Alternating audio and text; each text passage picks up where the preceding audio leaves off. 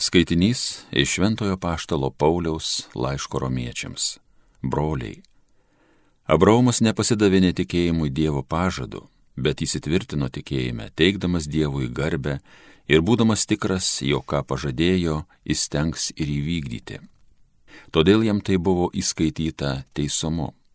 Tačiau ne vien apie jį parašyta, jam buvo įskaityta, bet ir apie mus nes turės būti įskaityta ir mums, jei tikėsime tą, kuris prikėlė iš numirusių mūsų viešpatį Jėzų, paukota dėl mūsų nusikaltimų ir prikelta mums nuteisinti.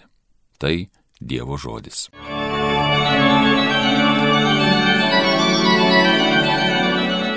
Šlovė viešpačiui Izraelio Dievui, kad jis aplankė savo tautą ir atnešė jai išvadavimą. Jis pažadino gelbėtoje mums galingą savo tarno Dovydo namuose, kaip nuo senų senovės buvo skelbęs savo šventųjų pranašų lūpomis. Šlovė viešpačiui, Izraelio Dievui, kad aplankė savo tautą ir atnešė jai išvadavimą. Jok mus išgelbės nuo priešų ir iš rankos tų, kurie mūsų nekenčia, tuo jis rodo mūsų protėviams gailestingumą ir atsimena savo šventąją sandorą šlovė viešpačiui Izraelio Dievui, kad aplankė savo tautą ir atnešė jai išvadavimą.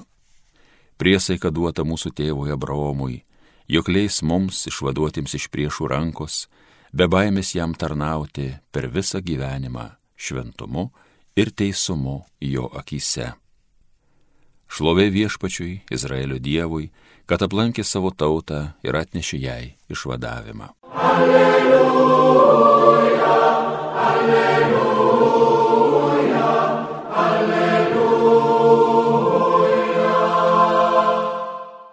Palaiminti dvasingieji vargdieniai, jų yra dangaus karalystė. Alleluja,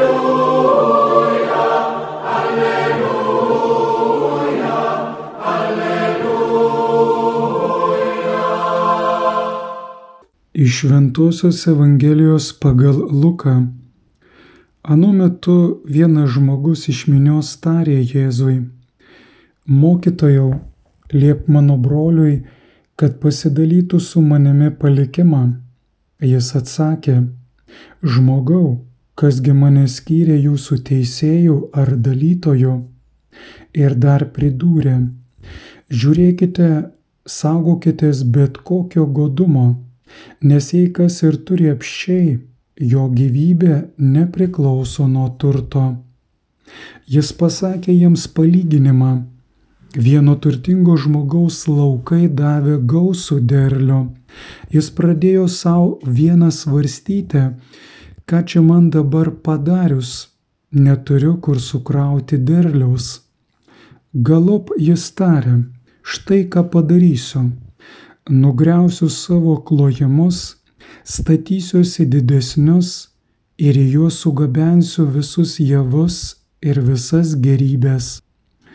Tada tar, tarsiu savo sielai, mano siela, tu turi daug gerybių sukrautų ilgiems metams, ilsėkis, valgyk, gerk ir linksmai pokeliauk. O Dievas jam tarė, kvaily, dar šią naktį bus pareikalauta tavo gyvybės, kamgi atiteks, ką susikroviai. Taip yra tam, kuris krauna turtus bet nesirūpina tapti turtingas pas Dievą. Tai viešpaties žodis.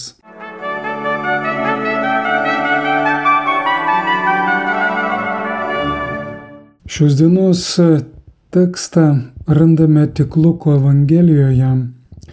Žmogus iš minios prašo Jėzaus įsiterpti į jo ir brolio ginčą dėl palikimo. Kaip įprasta, kai Jėzui užduodami ypatingi klausimai, pavyzdžiui, mokėti ar nemokėti ciesuriai mokesčius, užmėtyti ar neužmėtyti akmenėmis moterį sugautą svetimaujant, jis neatsako tiesiogiai, bet paliečia problemos šaknį, svarsto klausimą, atskleisdamas klaidą, kuris lypi pačiame klausime. Abu broliai klysta nes jų ginčas kyla ne ieškant objektivumo ir teisingumo, bet iš godumo. Tarp jų neliko nieko bendro, išskyrus palikimą, kurį reikia pasidalyti. Interesas nutildo bet kokį žmogišką jausmą. Turtas, kurį norėtų pasidalyti, iš tikrųjų padalyja juos pačius. Kad atskleistų šios elgsenos klaidingumą, Jėzus pateikė palyginimą apie turtingą žmogų, kuris mano busęs saugus daugybę metų, nes susikrovė gausiai gerybių. Tačiau jau tą pačią naktį iš jo buvo paprašyta gyvenimo ataskaitos.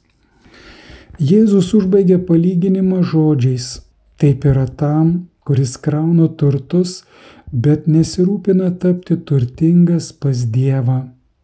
Ką reiškia tapti turtingu pas Dievą, Jėzus paaiškina šiek tiek vėliau toje pačioje Luko Evangelijoje.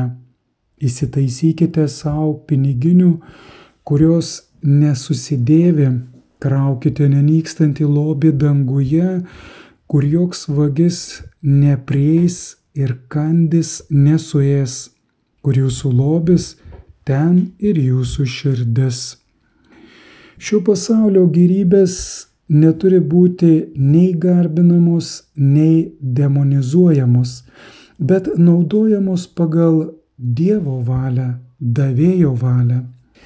Todėl yra verta, kad žmogus tai atmintų ir išsaugotų šį sveiko proto likutį, leidžiantį žmogui suprasti, jog ne jis yra gyvenimo ir turtų šeimininkas ir negali jo tapti. Deja, kartais tik mirtis atveda prie šios tiesos, sugražina prie žmogiškųjų ribų suvokimo, atveria vidinį žvilgsnį į dangų. Šiandien, kaip niekada anksčiau, mes laukiame visko iš žemės ir nieko iš dangaus. Visko iš dabartinio gyvenimo ir nieko iš būsimosios šlovės ir amžinybės. Pamirštame mūsų viešpaties ir išganytojo žodžius, kokiagi žmogui nauda, jeigu jis laimėtų visą pasaulį, o pakenktų savo gyvybei.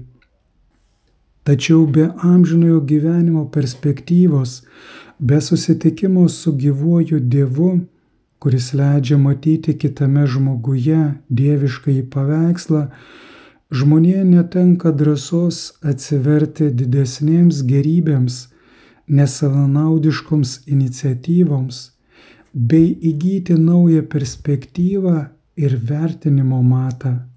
Vien tik susitikimas su Dievu Jėzaus Kristaus asmenyje mums leidžia praregėti, leidžia kitą pastebėti, suprasti savo laikinumą ir dalintis tais talentais, kuriais esame gavę iš Dievo, dalintis nuoširdžiai, dėkingai. Amen.